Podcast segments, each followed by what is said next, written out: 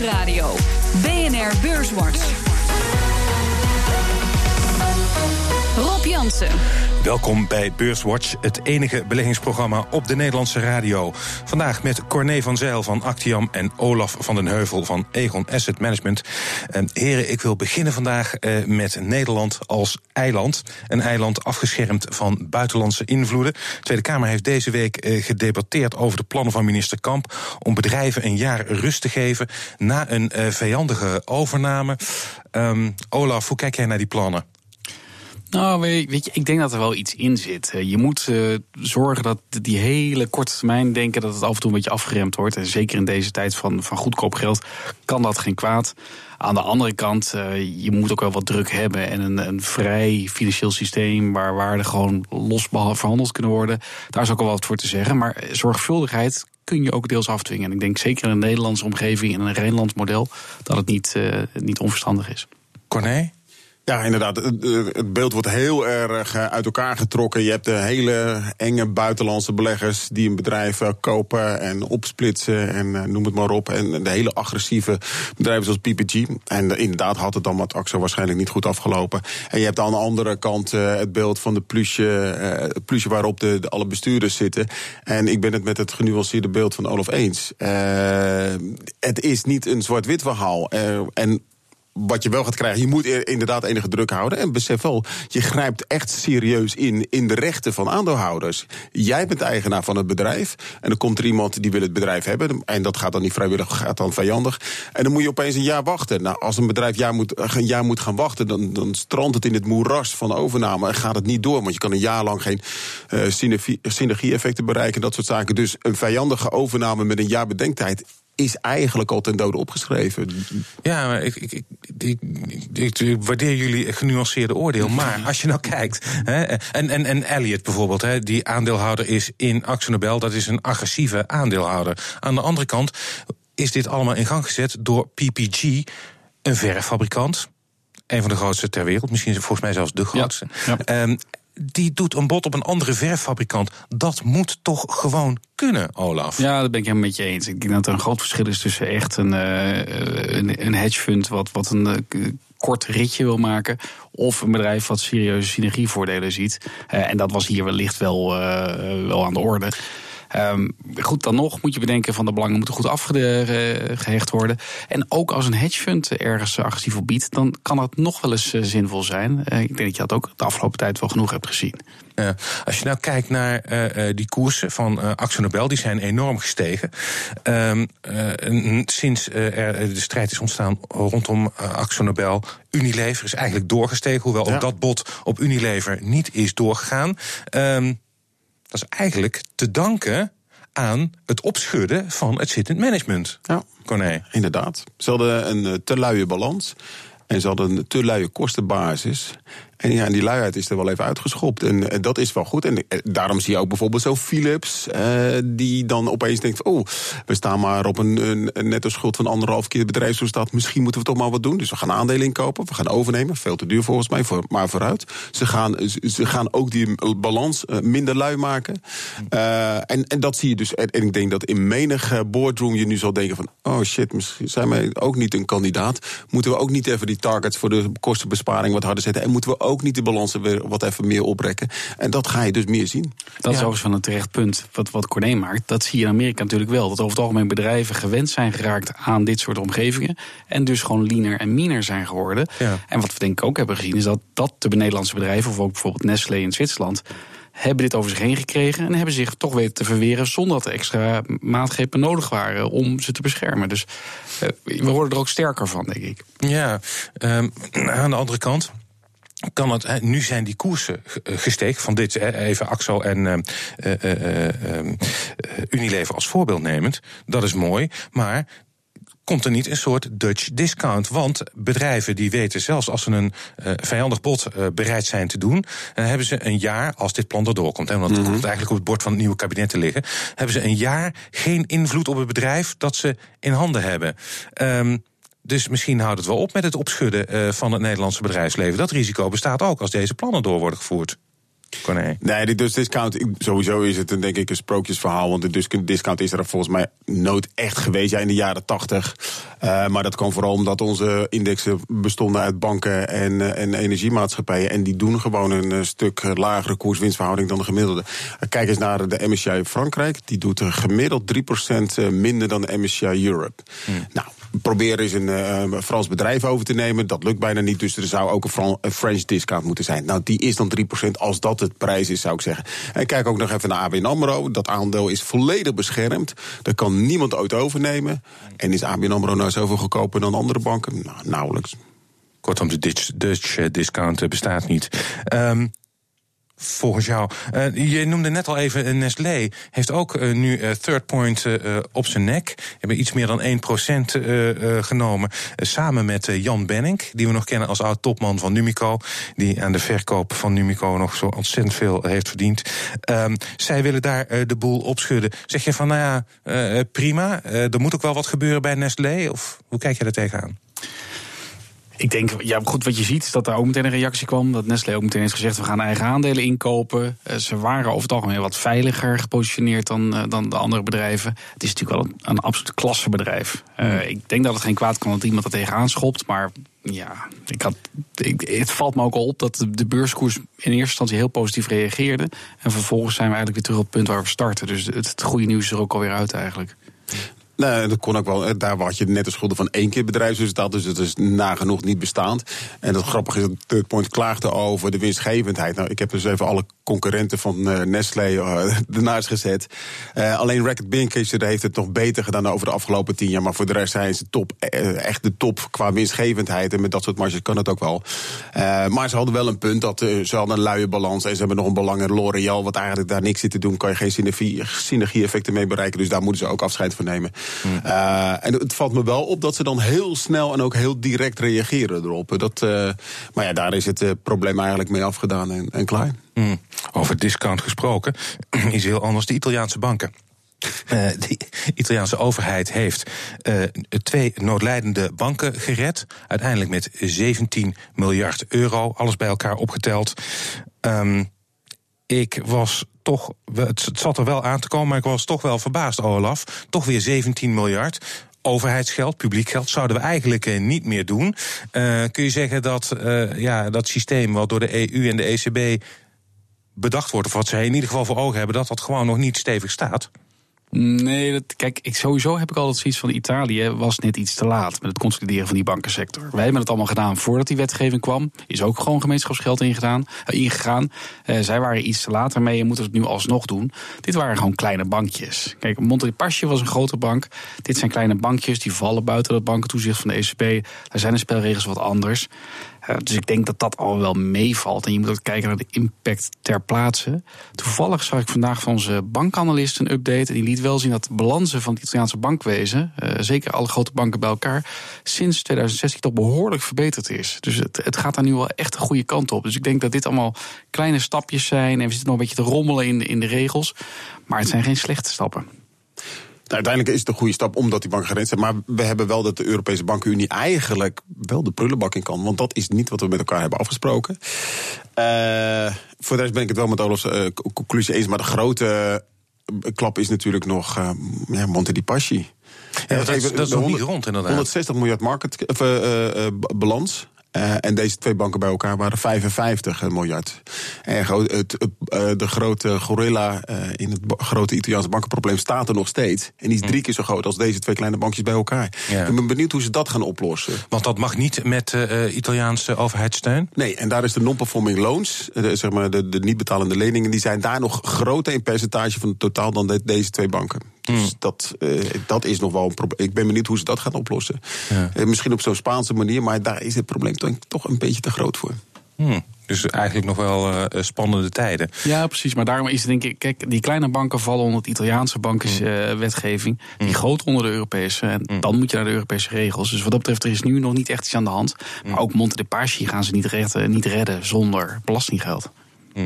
Nee, dan is inderdaad de bankenunie uh, totaal uh, overboord. Um, blijf nog even in de bankensector. Uh, centrale banken. Um, de BIS, dat is zeg maar de centrale bank van de centrale banken. Die hebben gezegd onlangs. Um, de gewone centrale banken, denk aan de Fed en de ECB, die moeten hun ruime beleid sneller afbouwen. Bijvoorbeeld door de rente te verhogen, Olaf.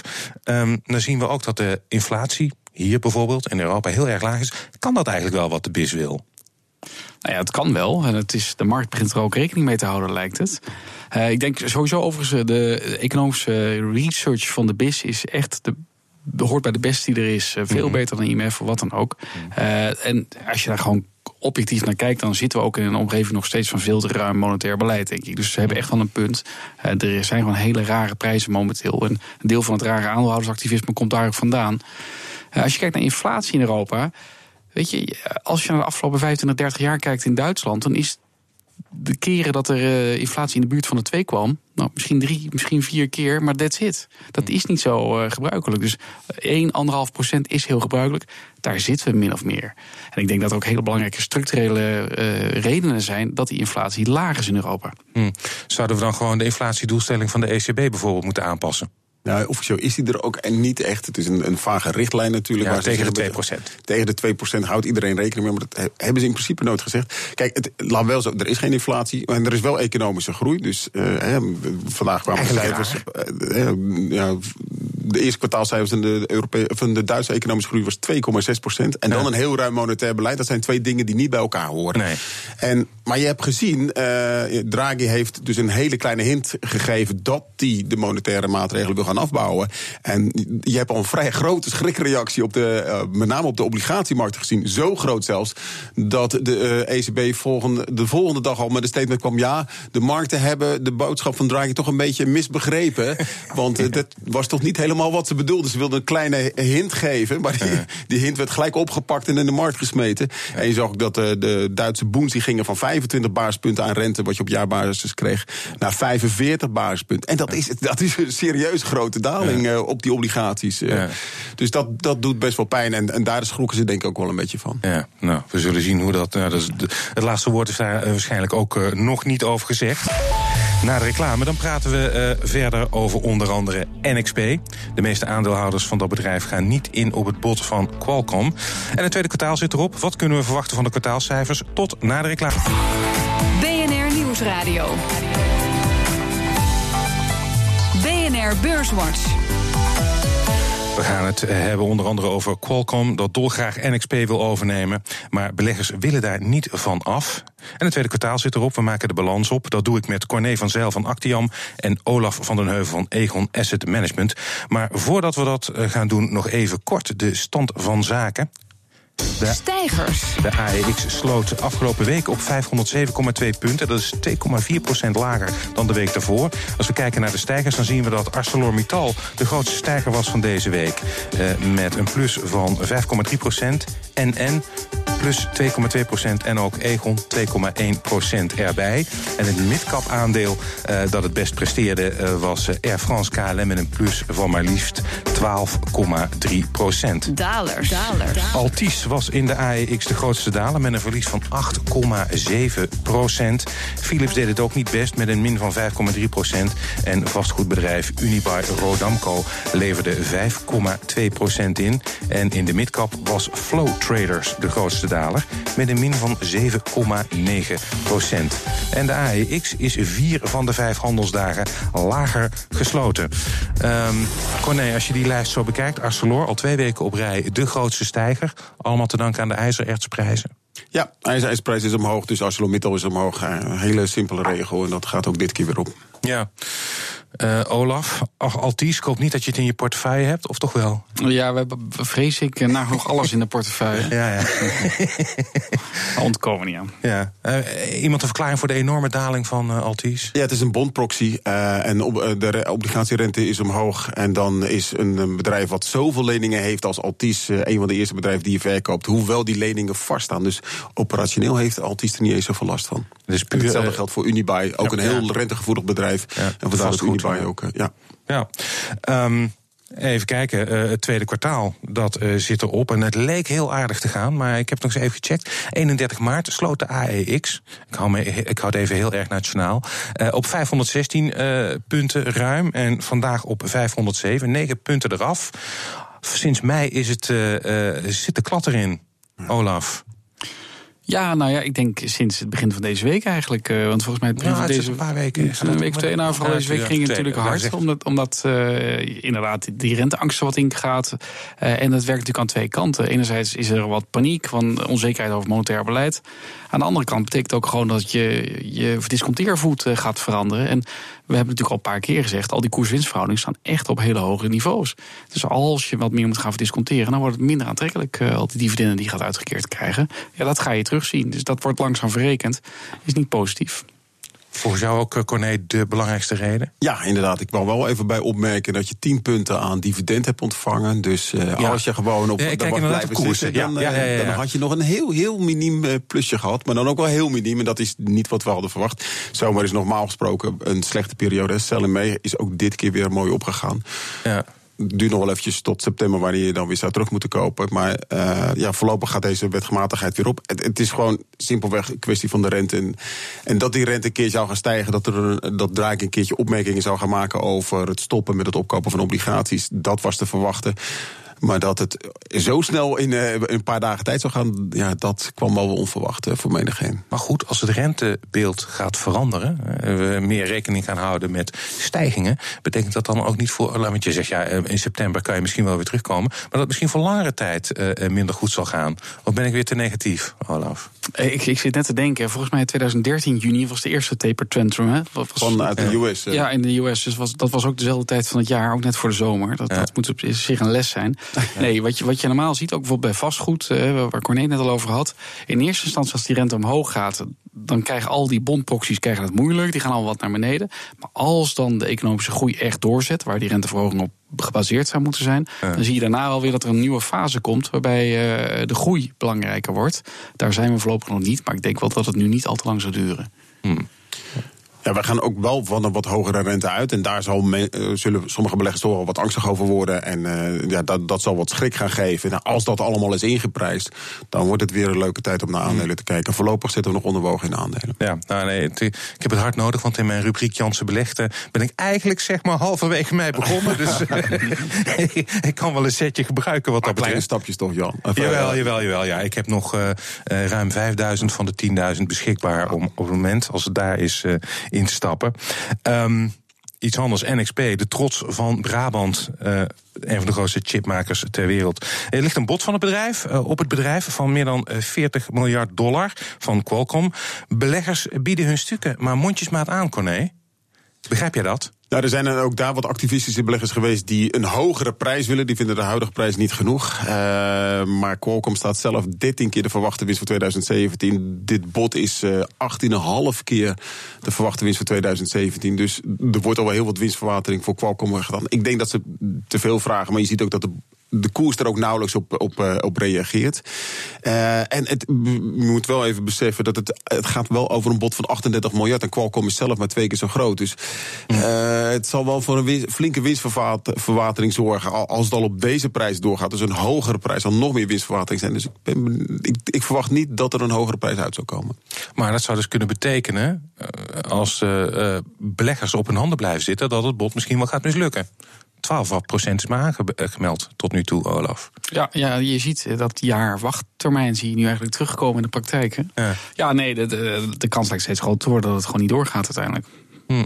Ja, en dan zitten ze met lege handen. Ja. Dan blijft er een mooi Nederlands bedrijf. Uh, ja, dat is dan, ja, dat is, dus is inderdaad een. Uh, dit, dit, soort dingen kun je gaan krijgen natuurlijk als, uh, als het beleid van Nederland om zeg maar toch een beetje wat meer bescherming in te Ja, oh, maar er zit wel een, een, structureel verschil. Dit is de vrije keuze van beleggers. En bij de keuze van de Tweede Kamer wordt de vrijheid volledig ontnomen van beleggers. Dat vind ik wel eventjes noemenswaardig. Ja, maar misschien wel met hetzelfde uiteindelijke effect dat overnames gaan mislukken of niet doorgaan. Maar goed, dat zullen we zien. Um, het was vandaag feest. Uh, ik, ik heb uh, Delivery Hero even meegenomen. Um, daar had jij het vanmiddag even over toen we elkaar spraken, Corné. Um, Delivery Hero, bezorger van maaltijden, naar de beurs gegaan. het is, ze hebben ongeveer een miljard opgehaald. Voor 25,5 euro. En het is gesloten op 27,80 euro. Ja, de grote uh, concurrent van uh, takeaway.com. Uh, wordt dit de killer van takeaway.com, denk je? Nou, dit zal niet de killer worden. Ik- Niet op basis van deze IPO. Want ze zijn al keihard met elkaar in gevecht. Er worden echt eh, miljoenen en miljoenen marketinggeld ingestopt. om maar de grote markt Duitsland te veroveren. Dat is echt de battleground eh, waar ze tegen elkaar vechten. Eh, ehm, als je gaat kijken in vergelijking tot Takeaway. is Delivery Hero ongeveer twee keer zo groot qua omzet. Ehm, drie keer zo groot. En ook qua beurswaarde zie je dat het drie keer zo groot is. Eh, ehm, Delivery Hero is ongeveer 4,5 miljard waard qua totale beurswaarde. Eh, en Takeaway anderhalf miljard. En allebei staan ze dus op 15 keer de omzet. Eh, ja, normaal praat je over 15 keer de winst, maar het is 15 keer de omzet. Het er wordt stevig wat in geprijsd. Eh, en natuurlijk is de upside gigantisch op het moment dat ze zo'n markt helemaal te pakken hebben. Maar of het een killer wordt, ik denk het niet. De, alle markten zijn eigenlijk wel zo'n beetje verdeeld. Alleen in Duitsland is het een, kei, een keihard gevecht. Hmm. Olaf, is het een sector die jij een beetje in de gaten houdt? Of? Nee, nee, slecht als consument in principe. Oké, nou ja. ehm, eh, ik, waar ik nog wel zat te kijken, Uber is ook in die markt actief. En ik, dat Uber is- Eats, ja. Uber Eats. En als eenmaal dat soort grote partijen met zulke diepe zakken eh, eh, zo'n markt gaan eh, betreden, bestaat er niet de kans dat zij uiteindelijk, omdat zij de diepste zakken hebben, waarschijnlijk toch ja, dit soort partijen eh, kunnen overklassen. Ik vraag het me af omdat de marktaandelen van eh, deze twee partijen al zo groot zijn en die markt al zo verdeeld is dat die kleinere partijen, dat is echt allemaal marginaal. En daar moet je zoveel geld in blijven stoppen. Eh, kijk, Uber heeft natuurlijk hele diepe zakken, maar ook daar twijfel ik of dat even door zou gaan. Ik denk eh, dat het uiteindelijk geen bedreiging zal zijn. Hm. Gaan van grote bedrijven naar een heel klein bedrijfje, maar iets wat wel altijd veel media-aandacht krijgt: Value Aid. Eh, eh, het investeringsfonds van eh, oud-beleggersvoorman Peter Paul de Vries ehm, is vaak in opgespraak geraakt in verband met de onduidelijkheid in de boekhouding. Deze week was er een aandeelhoudersvergadering waarbij geen jaarrekening werd gepresenteerd. Corné. ehm, heb je niet ooit eh, trouwens, stukken value aid in bezit gehad? Of vergis ik me erin? Privé heb ik dat wel eens gehad, ja. en eh, ik heb de grote fout gemaakt eh, dat ik eigenlijk niet goed wist waar ik in belegde. Ik geloofde Peter Paul, eh, omdat ik het een aardige man vind en ik vertrouwde hem volledig. Maar is- met dit soort onzekerheden heb ik mijn verlies genomen. En het, het, het mooie is, het deed me even denken aan een mooie quote van Oscar Wilde. Zeker omdat value aid het over waarde gaat. Een cynicus is iemand die de prijs van alles weet, maar de waarde van niets. En de Ja. prijs van value aid weet je, dat is 5,77 euro. Ja. En je hebt geen flauw idee wat de waarde is. Ja. Olaf, alleen maar red flags voor value aid, wat jou betreft? Ja, wat dat betreft wel. Maar ik, ik moet zeggen, het krijgt, zoals jij zei, heel veel media-aandacht. En dat Door is, Peter Paul de Vries. Ja. Ja, het komt ook wel wat heigerig over. Waarbij ik denk van, nou, ik, ik, ik weet het gewoon niet goed genoeg. Ik, ik heb daar niet goed genoeg naar gekeken. Het zou best kunnen dat er gewoon waarde in zit. Nee, inderdaad. Ik heb er ook niet goed genoeg naar gekeken. Maar dat betekent wel eh, dat het uiteindelijk verlies oplevert. Het is een, een wijze beleggingslessen. Ja. Ik, eh, ik gun het alle goeds van harte, maar ik ben wel benieuwd wat eruit gaat komen. Ja, ik ook. Eh, over wijze beleggingslessen gesproken. Eh, we zijn bijna aan het einde van dit programma. En ik heb jullie gevraagd om eh, voor de luisteraar eh, ja, een tip mee te geven. Mag een aandeel zijn, obligatie. Olaf, wat denk jij is voor beleggers op dit moment een goede move? Wat moeten ze doen? Nou, wat wij zagen in onze portefeuille is dat we voornamelijk onderwogen rentegevoeligheid zaten. En, en overwogen spreadcategorie maar ook aandelen. We hebben gekeken van hoe gaan we dat diversifiëren. En voor het eerst sinds denk ik tien jaar zijn we gaan kijken naar goldminers. eh, De ETF. En die hebben, we gaan, die hebben we toegevoegd puur omdat het heel erg divers, diversifierend werkt in een portefeuille. Oké. Corné. Ik zou zeggen olieaandelen, omdat eh, iedereen nu eh, volledig van mening is dat de olieprijs alleen maar naar beneden kan. Ik hoor al geluiden van de olieprijs gaat naar de 30 dollar. En daar word ik altijd wel blij van, want dat betekent wel dat er waarschijnlijk de bodem een beetje nabij is. Eh, en dat zijn meestal de mooie momenten om te kopen. Bij far de slechtste sector. Als je naar de stok 600 gaat kijken, olie is geloof ik min 14%, waarbij de stok 600 het eerste half jaar plus 6% is. Ja, en als een beetje waarde beleggen, denk ik van dat zijn mooie momenten om te gaan kopen. En dan moeten misschien al die luchtvaartmaatschappijen die het de afgelopen tijd zo goed hebben gedaan, onder andere door die lage olieprijs, die moeten er dan weer uit? Dat lijkt me dan wel een logische keuze, ja. Oké. Ehm, heren, eh, dank eh, voor jullie bijdrage. We zijn eh, aan het einde gekomen van deze aflevering van Beurswatch. Corné van Zijl van Actiam en Olaf van den Heuvel van Egon Asset Management. Dank voor jullie aanwezigheid. Volgende week is er uiteraard weer een uh, beurswatch. Uh, de uitzending kunt u naluisteren, deze uitzending, op de website van BNR of via de BNR-app. En heeft u nog vragen, dan kunt u een tweet sturen naar Rob of BNR. En dank voor het luisteren.